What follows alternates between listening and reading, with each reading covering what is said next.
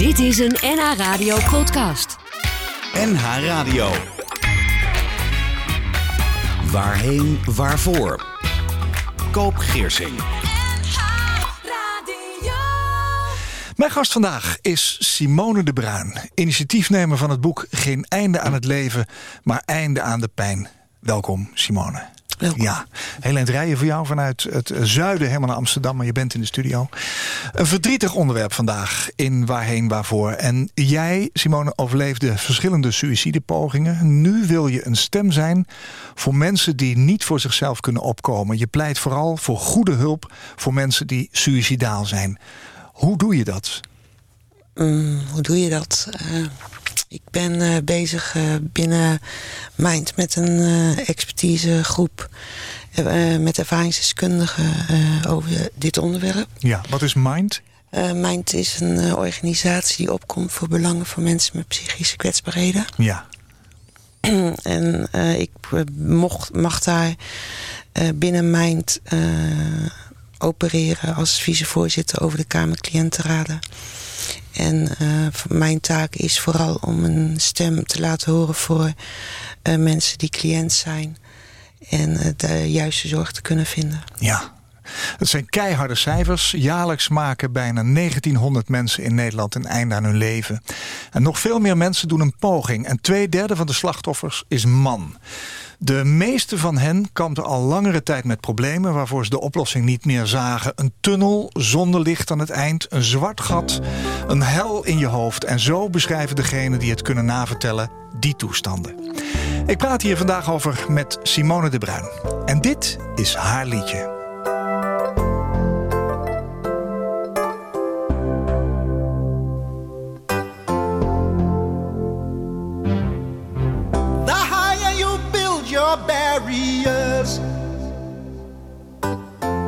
Taller I become. The farther you take my rights away, the faster I will run. You can deny me, you can decide to turn your face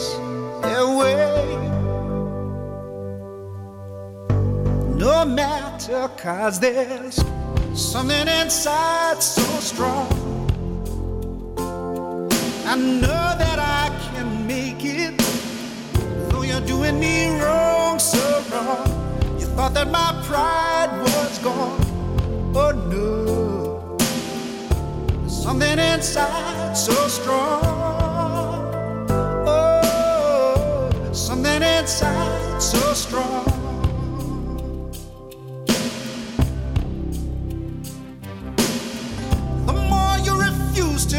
Hear my voice, the louder I will sing. You hide behind walls of Jericho. Lies will come tumbling.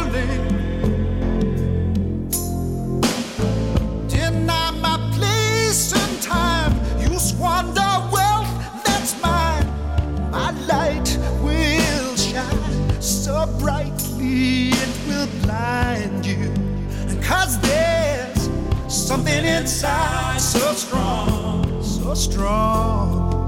I know that I can make it. Though you're doing me wrong, so wrong. You thought that my pride was gone. Oh no something inside so strong. Oh, something inside so strong. Brothers and sisters, when they insist we're just not good enough. Mm-hmm. When we know better, just look them in the eyes and say, We're Gonna do it anyway. Gonna do it anyway. Something inside so strong. And I know that I can make it. Though you're doing me wrong, so wrong. And all that my pride was gone. Oh no. There's something inside so strong. Oh, something inside so strong.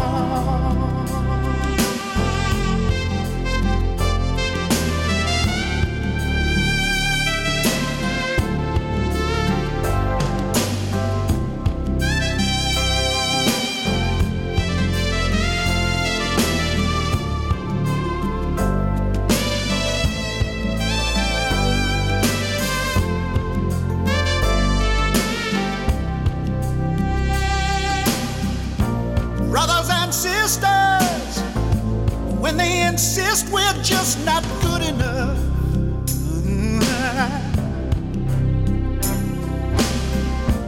When we know better, just look them in the eyes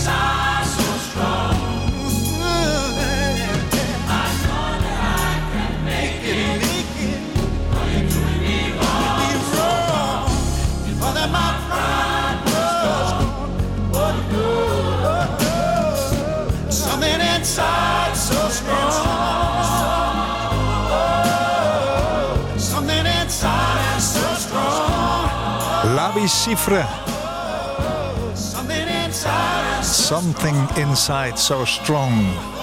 Waarom is dit liedje jouw levensmotto, eh, Simone? Omdat het mij heel veel kracht geeft. En ik denk, een nummer wat je kracht geeft... Ik denk dat het voor iedereen geldt dat er altijd een stukje kracht in jezelf zit. Alleen voor sommige mensen, en voor mij ook een lange tijd, was dat moeilijk te vinden.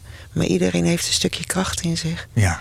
En eh, ik vind dat heel moeilijk dat eh, som, voor sommige mensen, terwijl ik zelf ook in, in die fase heb gezeten, toch nog niet die kracht vinden. Want die zit er, Die zitten. zeg jij. Ja. Ja. Ehm, draai je dit vaak? Luister je hier vaak naar? Komt het vaak voorbij in je leven? Ik luister heel veel muziek. Ja. En dit nummer is een van de eh, ja, nummers die ik vaak luister. Ik heb jou gevraagd om drie liedjes mee te nemen die je op je uitvaart zou willen laten horen. En die- heb je eh, ingevuld. En er kwam later nog een mailtje van dat dit er eigenlijk toch nogal bij moest. Hè? Om, juist om die kracht te laten voelen. Dat is mooi. Ehm, Simone de Bruin, je bent initiatiefnemer van het boek Geen einde aan het leven, maar einde aan de pijn. Een hele boeiende titel. En hierin wordt vanuit verschillende perspectieven naar het denken over suïcide gekeken. Even dat woord, suïcide, zelfdoding, zelfmoord. eh, daar wordt wel eens over gesproken. Wat, wat zeg jij? Als je het daarover hebt, over het onderwerp? Ik heb het meestal over suïcidepreventie. Ook preventie zelfs, Ja. het voorkomen ervan. Het voorkomen ervan. Maar zelfmoord, dat woord gebruik je niet. Of zelfdoding. Het ligt eraan waar ik zit. Eh, als ik bij hulpverleners zit, dan zeg ik wel heel vaak zelfmoord. Of Oh ja, waarom dan? om het toch wat kracht bij te geven. Dan wordt het wat heftiger. Wat heftiger. Ja. Eh, ja, en toch, ja, ik, ik gebruik het heel weinig. Het, klinkt misschien heel raar. Nee, snap ik. Maar ik, ik gebruik er andere ja, dingen voor. Ja, En eh, ja, ik zit in de suïcidepreventie. ja, snap ik. En eh, ja, ik vind als je het over zelfmoord hebt, komt het vaak eh, wat harder aan bij mensen. Ja. En ja, ik wil juist een, iemand zijn die ook een andere kant kan laten zien voor een groep mensen. Mhm. Vandaar dat boek, hè, met persoonlijke ervaringen, ervaringen van hulpverleners, familie, eh, verwanten, nabestaanden. Eh, die worden gekoppeld aan een aantal suggesties hoe omgegaan kan worden met het gesprek over suïcidegedachten. Waarom moest dit boek er komen, wat jou betreft? Ik vind dat er een heel groot eh, taboe overheerst. En wanneer het bespreekbaar gemaakt wordt, dan geef je ook mogelijkheden voor mensen om in een gesprek te gaan. En eh, vaak doen de mensen dit eh, heel vaak in eenzaamheid. En als je het opengooit, dan ja, komen er hele mooie gesprekken, maar je geeft mensen ook meer kansen. Is het taboe vooral bij de mensen die het betreft? Of is het taboe ook bij mensen die er omheen staan? Beide. Ja. Ja. Eh, mensen die er omheen staan, die praten er liever niet over. Nee. Want ja, dat is niet mijn pakje Jan. En mensen die er middenin zitten, die willen vaak mensen niet lastigvallen met hun gedachten. ja. Zou je kunnen zeggen dat erover praten helpt? Dat helpt zeer zeker. Ja. Ehm, het boek begint met een gedicht. Daar wil ik even het eerste stukje van lezen. Ik ben alleen. Alleen met mezelf en mijn, mijn gedachten. Buiten schijnt de zon. Van binnen is het donker. Aardedonker. Ik val. Alleen. Gold dit destijds ook voor jou? Ja, heel erg. Ja? Leg eens Ik- uit. Ik voelde me heel eenzaam. Eh, ik voelde me bij niemand horen. Eh, ik had weinig vertrouwen in mensen. En toch echt heel, een hele eh, drang om toch bij iemand te horen. Ja, en dat En- lukte niet. Op dat moment lukte dat niet. Nee, nee. Hoe kwam jij...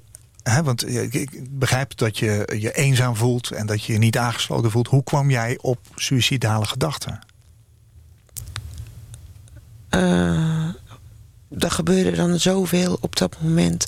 En dat klinkt misschien voor mij was het... een vriendje maakt het uit. Eh, ik kon nergens terecht om met mijn verdriet. Ik dacht, wat doet dit met mij? En op een gegeven moment dacht ik, ik voor mij hoeft het niet meer. En toen heb ik een poging ondernomen. En ja, toen ben ik in het ziekenhuis beland. Wat heb je toen gedaan? Eh, ik had medicatie genomen. Ja. Toen je dat deed, was toen je wens om ook dood te gaan? Ik wilde alleen maar eh, rust. Ik wilde een einde aan de pijn. Ja. Ik wilde... Ik dacht dat dat de oplossing was. En ja, toen kwam ik in het ziekenhuis terecht... wat eigenlijk helemaal niet zo fijn was. Want ja, ik lag aan de hartbewaking. En eh, ja, mensen om me heen... die vochten voor hun leven. En eigenlijk wilde ik helemaal niet meer. Nee. En eh, de volgende dag eh, kwam een pastoor aan mijn bed staan of iemand geestelijke. En die zei van, en dat vergeet ik niet meer, mijn God is heel boos op jou. En op dat moment zat ik daar niet op te wachten. Oeh, dat is nog een uitspraak zeg. En eh, toen zei hij, te- en ik was heel verdrietig daarover. Want ik, ik was heel kwaad dat het niet geluk was. Ik was heel kwaad op de hele wereld, dat ze me niet gesteund hadden. En nou was God ook nog kwaad op mij. Ja. En ja, Wat deed dat met jou? ja, nog meer kwaadheid naar mezelf toe waarom het niet geluk was. Want nu had ik nog iemand boos gemaakt. Ja. Ja. Is er ook schuldgevoel bij? Het schuldgevoel was er zeer zeker bij. Ja. Eh, vooral naar verschillende mensen toe. Die zeiden, waarom heb je dit gedaan? Ja. Is, is dat ook wat je veel tegenkomt als je praat met mensen die hetzelfde hebben meegemaakt als jij? Dat er een soort onbegrip is over eh, wat je in werkelijkheid meemaakt en wat je voelt. Ja, veel onbegrip. Eh, sommige mensen kunnen er ook niet bij. Je bent een jonge vrouw in het leven. En eh, waarom doe je dat nou?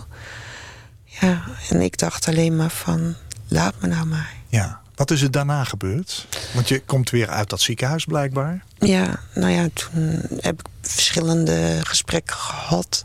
Maar eigenlijk nooit echt... Ja, de school, ik zat nog op school. Ze liepen met een boog om me heen. Hoe oud was je? 17. Wisten ze het op school? Ze, wisten het. Ja, het wordt allemaal doorgegeven. Ik, ik mocht achter de telefoon zitten. Want ja, laat haar maar met rust. Er is wel geteld één leerkracht naar mij toegekomen. En die heeft toen tegen mij gezegd... Goh, wat vind ik het rot voor je. En wat ben ik blij dat je er nog bent. Oké. Was, dat een, was dat goed? Voelde dat als... daar zit ik op te wachten? Eh, als ik toen niet... Nu dacht ik, wat fijn dat hij dat gezegd heeft. Ja. Maar anderen hebben zich niet laten horen. Nee, niet echt veel. Begrijp je dat? Eh, ja, ik praat over 33 jaar geleden. Dus ik denk, Begrijp je het nu? Zou je kunnen zeggen. en nu kom ik het nog steeds tegen. Dus nu zou ik het niet meer moeten begrijpen. Toen begreep ik het. Als ik nu kijk, begrijp ik het. Ja. Maar ik vind daardoor dat het taboe eromheen weg moet. Mensen moeten daar gewoon over kunnen praten. En eh, ik denk Dat, dat, dat gebeurde onvoldoende. heel erg. Er was in ieder geval één leerkracht die daar zijn best voor deed. Want dat is het natuurlijk vaak. Dat je, je wil zo graag iets doen. En je wil ook graag het goede zeggen. Maar Ja. dat lukt je natuurlijk niet als je niet begrijpt wat erachter zit. Maar soms hoef je niet, niks te zeggen. Is dat zo? Soms kan je er ook zijn voor iemand. Een hand vasthouden, een arm om je heen. Dat, had je in die tijd nodig gehad. Dat had ik heel erg nodig gehad. Ja. Hoe is het daarna met je gegaan? Want het was nog niet voorbij. Het was nog niet voorbij. Ik was, ehm nou ja, ik ben op een gegeven moment eh, leerde ik eh, mijn ex-partner kennen. En ik dacht, nou, nou gaat het goed. En ik dacht, oh, zie je wel. En oh, fijn. Totdat eh, ik mijn eerste kindje kreeg. En ik heb niet zo'n fijne jeugd gehad. Nee. Dat het allemaal naar boven kwam. Ja. En ik dacht van, ja, je moet op een roze wolk leven. En voor mij was die roze wolk er helemaal niet. Anderen vertellen je dat natuurlijk ook. Ja, en ik dacht van, wat moet ik hier? En mijn zoontje, en hoe moet ik hem nou grootbrengen? En mijn zoon is heel belangrijk voor mij. Maar op dat moment had ik, niet, had ik alleen die gedachten, de suicidale gedachten. Mhm. En ja, ik kwam bij de dokter en die deed me alleen maar een pilletje voorschrijven. Maar daar ging het niet mee weg. Die gedachten bleven. En, eh, En wat zijn die gedachten dan? Dat je toch zoekt naar een middel om die pijn weer te stoppen? Ja, ik dacht gewoon, ik stap eruit. Ik was continu bezig om mijn zoon te beschermen tegen mezelf. Mhm. En eh, ik deed alle deuren op slot. En ja, op- het was op een gegeven moment ook best wel heel pijnlijk. Omdat je, ja, de buitenwereld verwacht van je dat je gelukkig bent. Ja, En op dat moment kon ik niet gelukkig dat is zijn. buitenkant. Dat is de buitenkant. Ja. Als je in die situatie zit, ik probeer het te begrijpen... eh, en je hebt suïcidale gedachten en je hebt een kind en, en een partner... speelt dan mee dat je die achterlaat? Soms niet. Nee. Dan is de pijn te groot. Dan is de pijn te groot. En dat betekent niet dat je egoïstisch bent. Nee. Maar je denkt dan, het is misschien beter als ze zonder mij zijn. Want ik ben toch maar tot hun tot last. Ja. En Ja. terwijl, ja, die gedachten, die besprak ik haast nooit. Omdat ik toch dacht van, daar wordt toch niet naar geluisterd. Ik heb het met de dokter besproken. Maar ja, een pilletje hielp er niet tegen op dat je- moment. Nee. En je bent ook niet verwezen naar eh, iemand met wie je kon praten. Ik kreeg toen één psycholoog. En eh, ik vertelde dat ik die gedachten had. En toen, ze, toen zei ze wel van, oh, welke medicatie heb je daarvoor nodig? En nou ja, toen dacht ik van, ik ga daar nooit meer heen. Oké. En toen heb ik weer een poging gedaan. Mhm. Gewoon omdat je niet gehoord wordt. En eh, het, het is geen verwijt naar hulpverleners. Maar het, ik wil wel dat hulpverleners meer dit onderwerp in hun eh, takenpakket krijgen. Ja, als ja, zorg. In, ja. eh, Nu mis ik heel vaak het onderdeel suïcidepreventie binnen de zorg. Ja. Het is een moeilijk onderwerp. Je hebt er een, eh, een, een boek over uitgebracht met allemaal tips. Daar gaan we het zo meteen over hebben. Ehm, ik vroeg mij af, als je suïcidale gedachten hebt... eh, dan denk je waarschijnlijk niet aan het moment dat je dood bent... en dat er ook een uitvaart komt. Nee, Daar ben je niet mee bezig. Nee, je, je moet er zelfs om lachen, hè? ja. Ja. Nou, een paar keer ben ik er misschien wel mee bezig geweest. Maar dan alleen met de mensen die niet mochten komen. dan dat eh, ik bezig was met eh, hoe of ik eh, begraven wilde worden of Ja. gecremeerd. Nee. Nee, nee, logisch. En dat zegt natuurlijk de titel van het boek ook. Hè? Geen einde aan het leven, maar een einde aan de pijn. Want daar gaat het om. Toch heb ik jou gevraagd vandaag eh, een paar liedjes mee te nemen... die je dan wel eventueel eh, ooit een keertje... en ik, ik hoop echt voor je dat je gelukkig bent... eh, en nog gelukkiger wordt en dat het nog lang mag duren in dat geval. Maar die je toch op je uitvaart zou willen laten horen. Je hebt drie hele mooie Nederlandstalige... nou, in ieder geval Nederlandse liedjes meegenomen. Niet allemaal Nederlandstalig, maar de eerste wel, Marco Borsato. Waar gaan we naar luisteren? Neem me mee naar het water.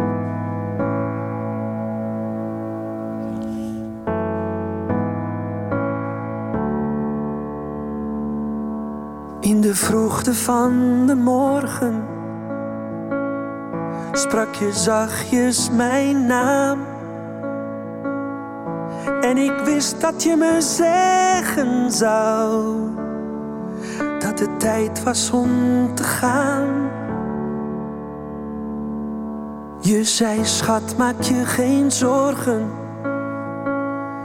Ik zal altijd bij je zijn. En ik wist dat je de waarheid sprak.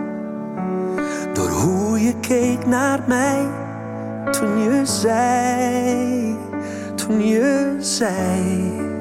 Ik ben klaar om op reis te gaan, aan de andere kant te staan. Voorbij de grens, ik sluit mijn ogen. Voor alles wat er komen gaat, is laat. Ik ben klaar om op reis te gaan. Alles wel gedaan. Pak mijn hand en voel het stromen. De liefde die ik bij me draag. Ik vraag je, breng me naar het water. Breng me naar het meer. En leg me neer.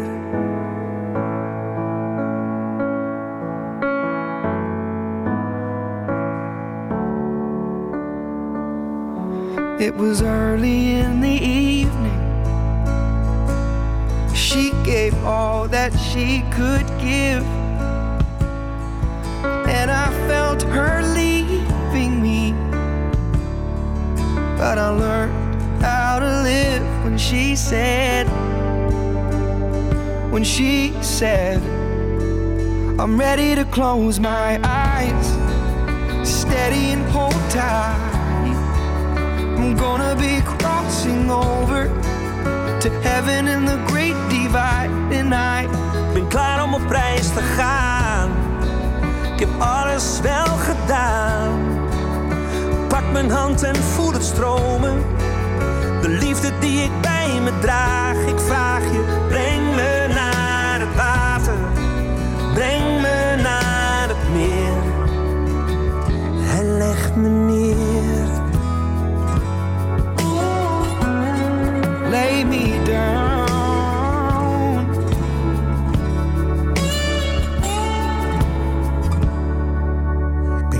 Op reis te gaan, aan de andere kant te staan. Voorbij de grens, ik sluit mijn ogen. Voor alles wat er komen gaat, is laat. I'm ready to close my eyes. The heavy and so wide.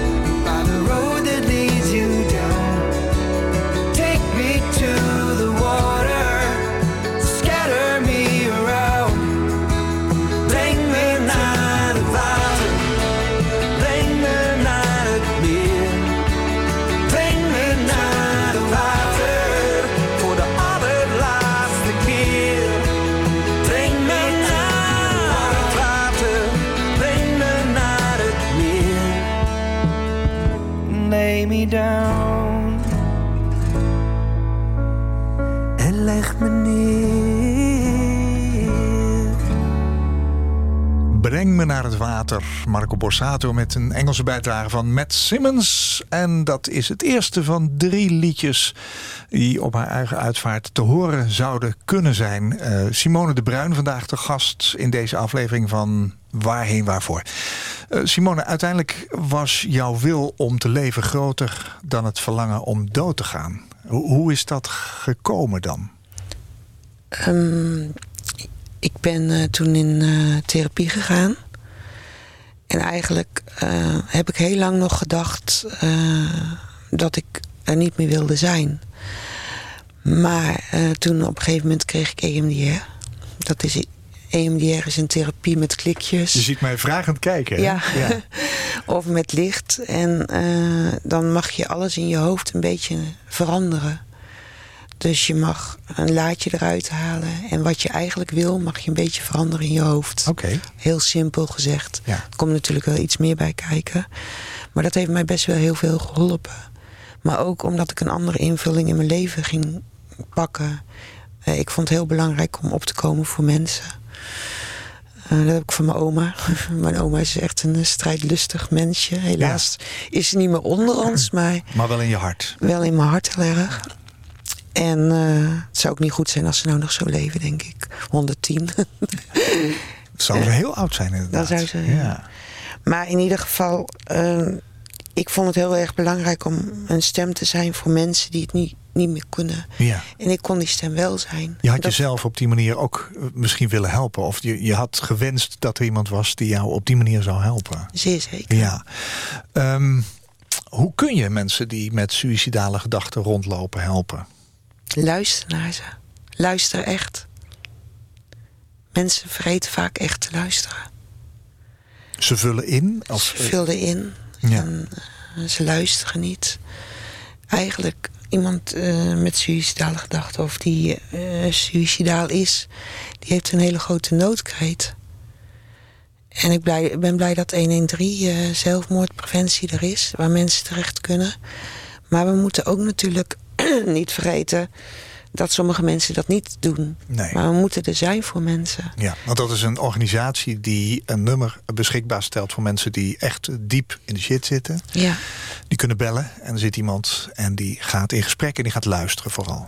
vooral luisteren. Ja, ja. Jij hebt ook een rol gespeeld hè, bij die 113, bij het Eh, opzetten daarvan. Ja, ik eh, sta op eh, YouTube met een filmpje. Ja, En dat niet alleen, maar ik, ik wil zijn naam toch noemen. Jan Mokkenstorm, die eh, is directeur van 113. Die heeft een boek geschreven. En eh, dat boek heeft me ook heel erg geholpen. hoe heet dat? Nou, goed, dat maakt niet uit. Sorry, ja. Dat boek is er. Dat boek is er, maar... En Jan heeft mij geholpen, want eh, die Jan ging mijn, ja, mijn licht een hele andere kijk geven. En daar heb ik ook heel veel aan gehad. Oké, dus de therapie aan de ene kant, eh, de voetsporen van je oma aan de andere kant. Dat Ja. er iets in je zit wat jij straks ook een soort innerlijke kracht noemde. Eh, De wens om andere mensen te helpen, de wens om gehoord te worden als je zo in de problemen zit. En de directeur van 113. Ja. Dat waren de ingrediënten. Wat is er toen met je gebeurd? Nou, toen eh, kwam ooit 113 bij ons. Eh, ik was toen voorzitter van de cliëntenraad GGZ Breburg. En eh, toen had ik een, op, ja, een idee geopperd om een boek te maken. En eigenlijk door dat boek ben ik ook gaan leren hoe het voor een hulpverlener is. Hoe het voor een brandweerman is. Hoe het voor een huisarts is. Maar en hoe het voor een hulpverlener in het Hoe is, het, algemeen hoe, is. hoe is het in het algemeen voor een hulpverlener? Hoe zie je dat? Ik denk dat het. Een, wij denken dat het een eh, apart probleem is, suïcide. Maar ik denk dat het een maatschappelijk probleem is. En ik denk dat eh, hulpverleners, eh, zoals een brandweer of een politieman, ook een opleiding moeten hebben hoe ze daarmee om moeten gaan. En dat is nu niet zo? Weinig. En, Artsen ook niet? Huisartsen? Eh, huisartsen ook heel weinig. Eh, hulpverlenen ook niet altijd. En ik vind eh, het van belang dat we gewoon elke hulpverlener dit leren. Ja. Om te gaan met. En ik denk dat we daardoor, als je daadwerkelijk mensen leert om ermee om te gaan, om goed te kunnen praten, het heel veel gaat schelen. En, ja, en dat is mijn wens. Ja. En dat drijft jou ook op dit moment, hè? Klopt. Ja. Ehm, de cliëntenraad van GGZ Breburg wil met dit boek bijdragen aan het doorbreken van het taboe op zelfdoding en de gedachten daarover. Ehm, de gedachten daarover hebben we het al eventjes over gehad. Welke gedachten zijn er zo al over zelfdoding? Van buiten. Bij hulpverleners die er misschien niet toe opgeleid zijn. Het is egoïstisch. Eh, je denkt alleen, ja, het lijkt een beetje op het jezelf, maar je denkt alleen maar aan jezelf. Eh, oh, je hebt zoveel om voor te leven. Eh, weet je wel wie je allemaal iets aandoet? Oh ja, ja. schuldgevoel. Schuldgevoel en ja, heel veel gedachten. Terwijl heel vaak de persoon in kwestie die die gedachten heeft alleen maar heel eenzaam is.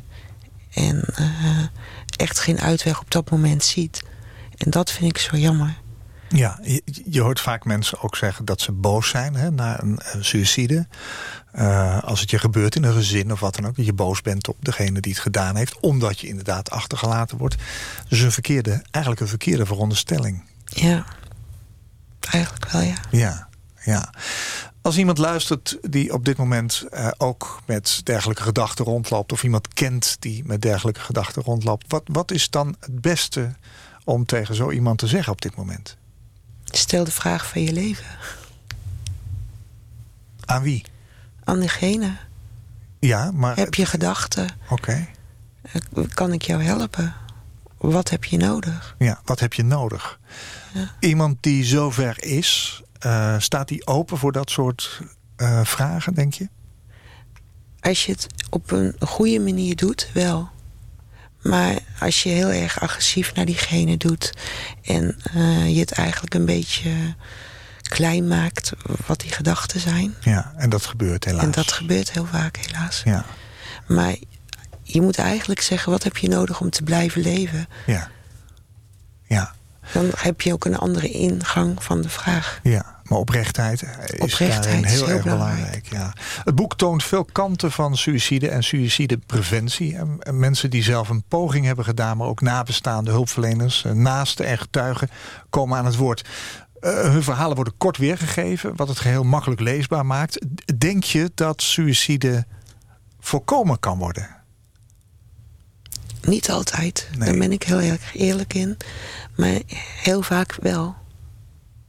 En eh, als er maar geluisterd wordt. Ja. Dat is, we kunnen lang en breed eh, erover praten, maar luisteren is echt het belangrijkste. Dat is een goede boodschap die je vandaag meegeeft. Luisteren. We gaan even terug naar de drie liedjes. Het lijkt wel of we daarmee eh, jouw prachtige verhaal... en jouw, jouw ook zo belangrijke verhaal doorbreken. Want ik vind het een prachtige boodschap namelijk dat er hoop is. Want dat spreek je eigenlijk wel uit. Ehm, maar ook deze drie liedjes maken, daaruit, eh, maken daar onderdeel van uit. Tweede liedjes van Robert Long. Eh, Jos, waarom? Jos was voor mij het belangrijkste in heel lang, in hele langere tijd. Omdat ik me zo ellendig voelde, zo alleen. En ik hoorde bij, eigenlijk bij niemand. Zo'n gevoel had ik. En ja, voor mij gaf het, ondanks dat het zo'n nummer is, toch heel veel kracht.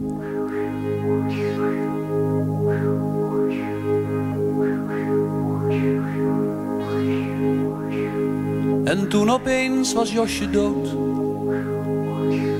Hij had gewoon geen zin om door te leven. Hij heeft zichzelf als het ware opgeheven. Hij heeft aan mij zijn laatste brief geschreven. Hij hield zich niet nog langer groot. Ik gaf hem de genadestoot.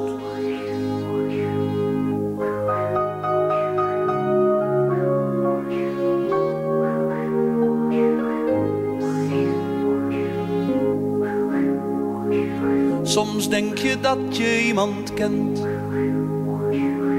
Nou ja, ik kende Jos zo'n maand of zeven. Hoewel we eerst nogal op afstand bleven. Zag ik de echte Jos soms toch wel even. Als door een scheur in het cement. Dan kroop hij langzaam uit zijn tent. Wanneer we zomers de rivier afdreven, kwam er een glimlach om zijn lippen zweven. Was hij wat minder bang zich bloot te geven, dan was hij in zijn element. We raakten aan elkaar gewend.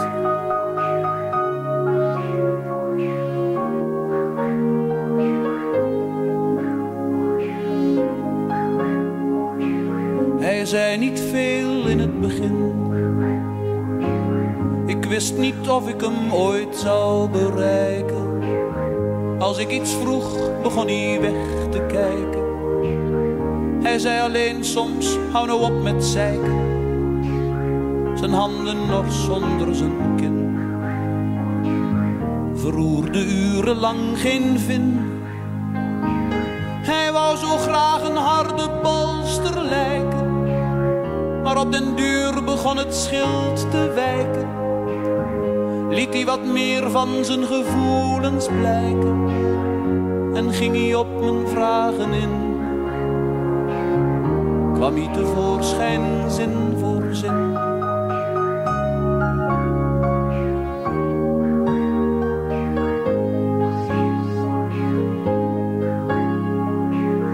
Hij had van alles opgekropt. Er was niks waar je Jos om zou benijden. Zijn ouders waren van elkaar gescheiden. En om de maand moest hij bij een van beiden, waar hij met snoep werd volgepropt. En hij vertelde me beknopt hoe hij als kind zijn vader waker gilde, omdat hij liever naar zijn moeder wilde. En hoe zijn vader hem zijn bed uittilde in de kelder had gestopt. Te vroeg en veel te vaak geschopt.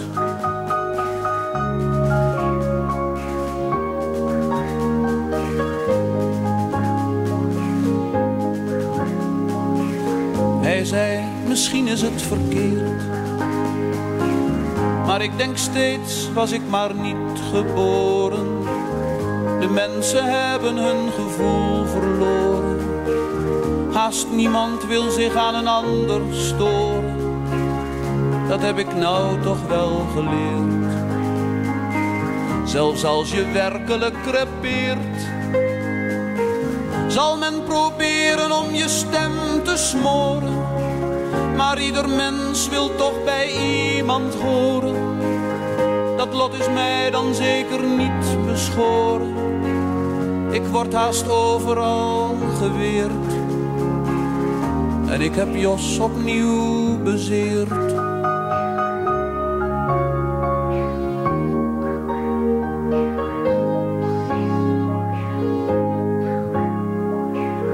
Had ik hem achteraf beschouwd. Toen hij dat zei maar naar me toe getrokken. En hem gezegd, we zullen samen knokken. Maar ik zei niks, was van mezelf geschrokken Een onvergeeflijke fout. Maar God, ik voelde me zo oud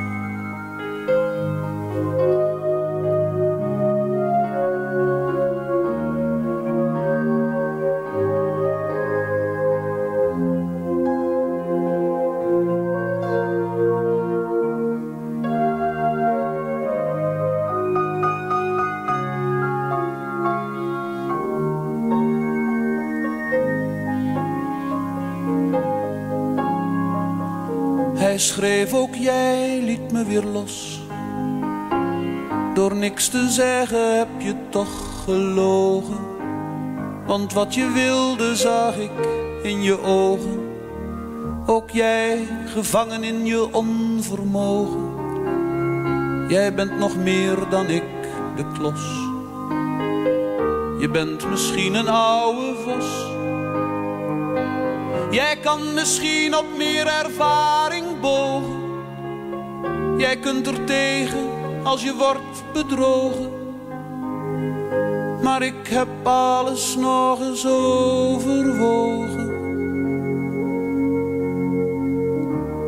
Ik wil niet meer het beste. Jos.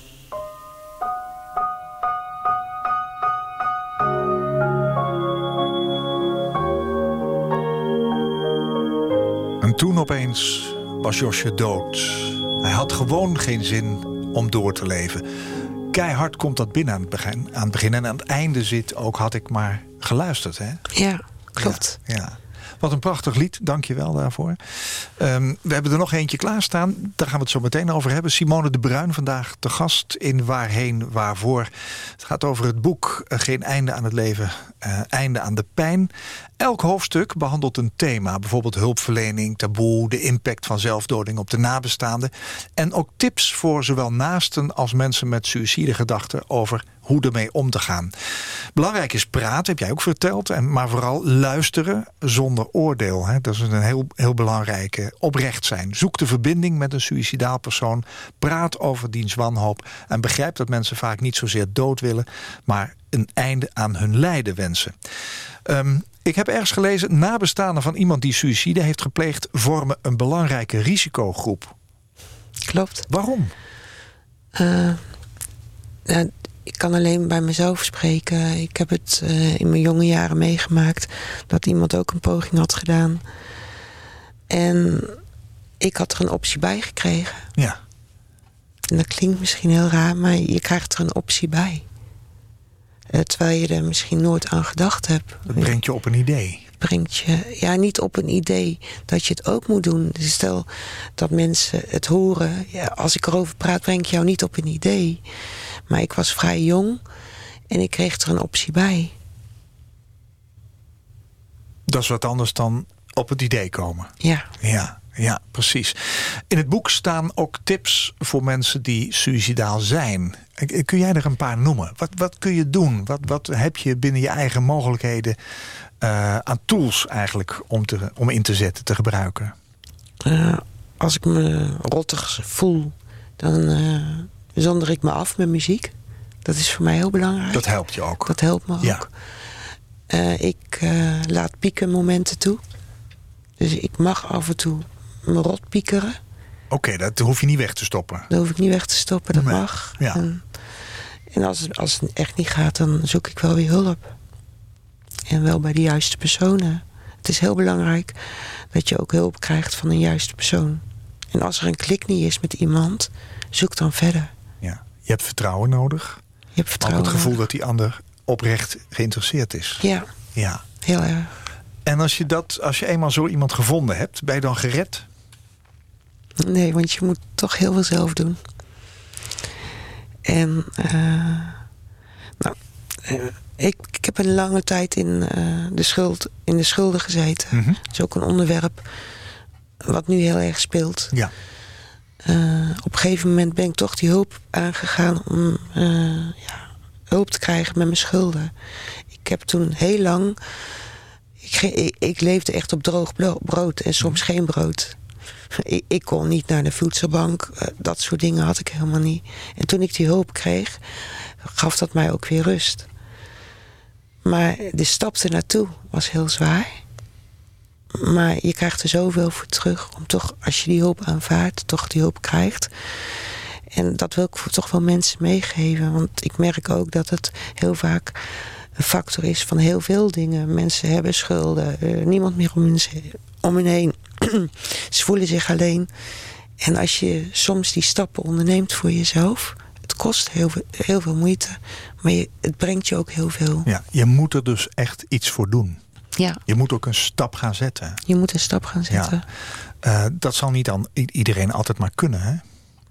Nee, maar ik dacht ook dat ik het nooit kon. En eh, soms deed, deed ik twee stapjes vooruit en deed ik er weer drie terug. Maar elke keer zag ik toch weer een lichtpuntje. Ja. En soms als mensen geen lichtpuntjes meer denken, hou een dagboekje bij. En wat zet je daarin? En toch deed ik daar elke dag één ding wat wel leuk was. Ondanks dat ik dacht van, het was niet leuk. En dat kan zijn, ik heb een leuke vogel gezien. Of ik heb een mooi liedje geluisterd. Of iemand heeft gedacht tegen mij gezegd. Ja. Straks zei je ehm, tegen mij dat jouw uitvaart eigenlijk uitsluitend uit muziek bestaat. Ja, klopt. Ja, geen sprekers, geen andere toestanden, Nee, maar wel, wel muziek. Muziek is heel belangrijk voor jou. Ja. Eh, jouw derde liedje is van Laura van Kaam. Waarom heb je haar uitgekozen? Eh, Laura van Kaam vind ik een boegbeeld voor jongeren met depressie. Want? Eh, zij heeft zelf ook een depressie gehad. En ze, ze staat nog steeds. En ik vind haar zo krachtig. En zeker voor jongeren. eh, om jongeren te laten zien dat ondanks als je zulke diepe dalen hebt, dat je toch nog steeds staat. En zulke mooie muziek maakt. En toch weer een lach op je gezicht eh, brengt. En dat beschrijft ze eigenlijk ook wel een beetje in het liedje. En eh, ja, ik vind haar gewoon een boegbeeld. En dat niet alleen, maar in 2017 zijn er 80 jongeren om, eh, ja, helaas eh, overleden aan eh, suïcide. En ik vind, ik hoop dat dit jaar, of ja, afgelopen jaar in 2017 was, maar dat het minder wordt en dat jongeren toch sneller hulp vinden. Jongeren moeten vaak te veel kanalen af om de juiste hulp te vinden. Ja, en daar ga jij voor zorgen. Ik ben daar wel mee bezig. Ja, dat dacht ik ook. Laura van Kaam, Just for a While.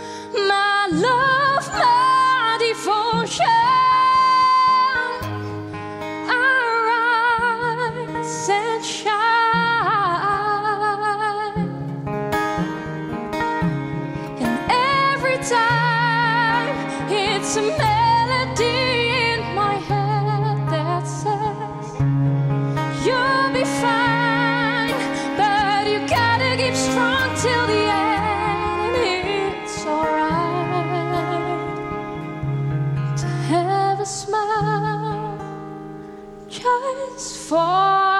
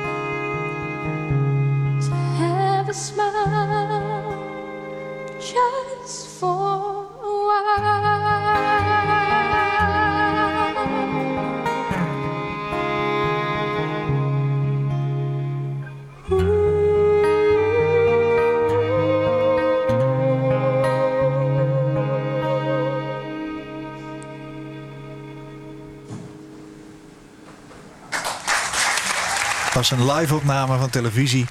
Maar wat is het mooi. En we waren er even stil van hier in de, in de studio. Laura van Kaam, Just for a While. En eh, ja, je vertelde het al. Zij heeft periodes met ernstige depressies achter de rug.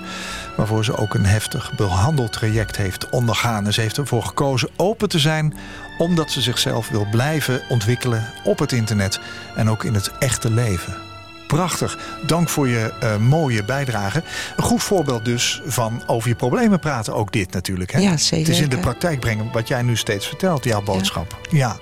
Het boek wat je straks eh, even aanstipte van eh, Jan Mokkerstorm heet Hoop doet leven. Ik heb het even snel Ja. opgezocht. Jouw boek? Ja, mijn boek... Kunnen we het kopen? Kunnen we het online ja, dat vinden? wel, maar alleen bij, GGZ, bij de cliëntenraad van GGZ Breeburg. Ja. En eh, een stukje online kan je er wel eh, een pdf-versie van lezen. Ja, ja, dat is waar. Geen einde aan het leven, einde aan de pijn. Als je daarop googelt, kom je eh, op een pdfje terecht... waar je in ieder geval ideeën op kunt doen. Je was ooit betrokken bij Breeburg, hè, de cliëntenraad. Klopt. Daar zou je het boek eventueel kunnen bestellen. Simone de Bruin was mijn gast in deze aflevering van Waarheen Waarvoor. Simone, heel erg bedankt voor jouw verhaal. Graag gedaan. Durf jij jezelf af en toe gelukkig te noemen? Ja, Ontzettend fijn om te horen. dankjewel. Dank dat je hier was, dank dat je open was. Ga je goed, dag. Koop Geersing. Als jij een keer te gast wilt zijn in Waarheen Waarvoor om te vertellen over jouw levensreis, laat me dat dan weten via waarheenwaarvoor.nhradio.nl. Waarheenwaarvoor.nhradio.nl. Dit was een NH Radio podcast. Voor meer, ga naar nhradio.nl. Radio.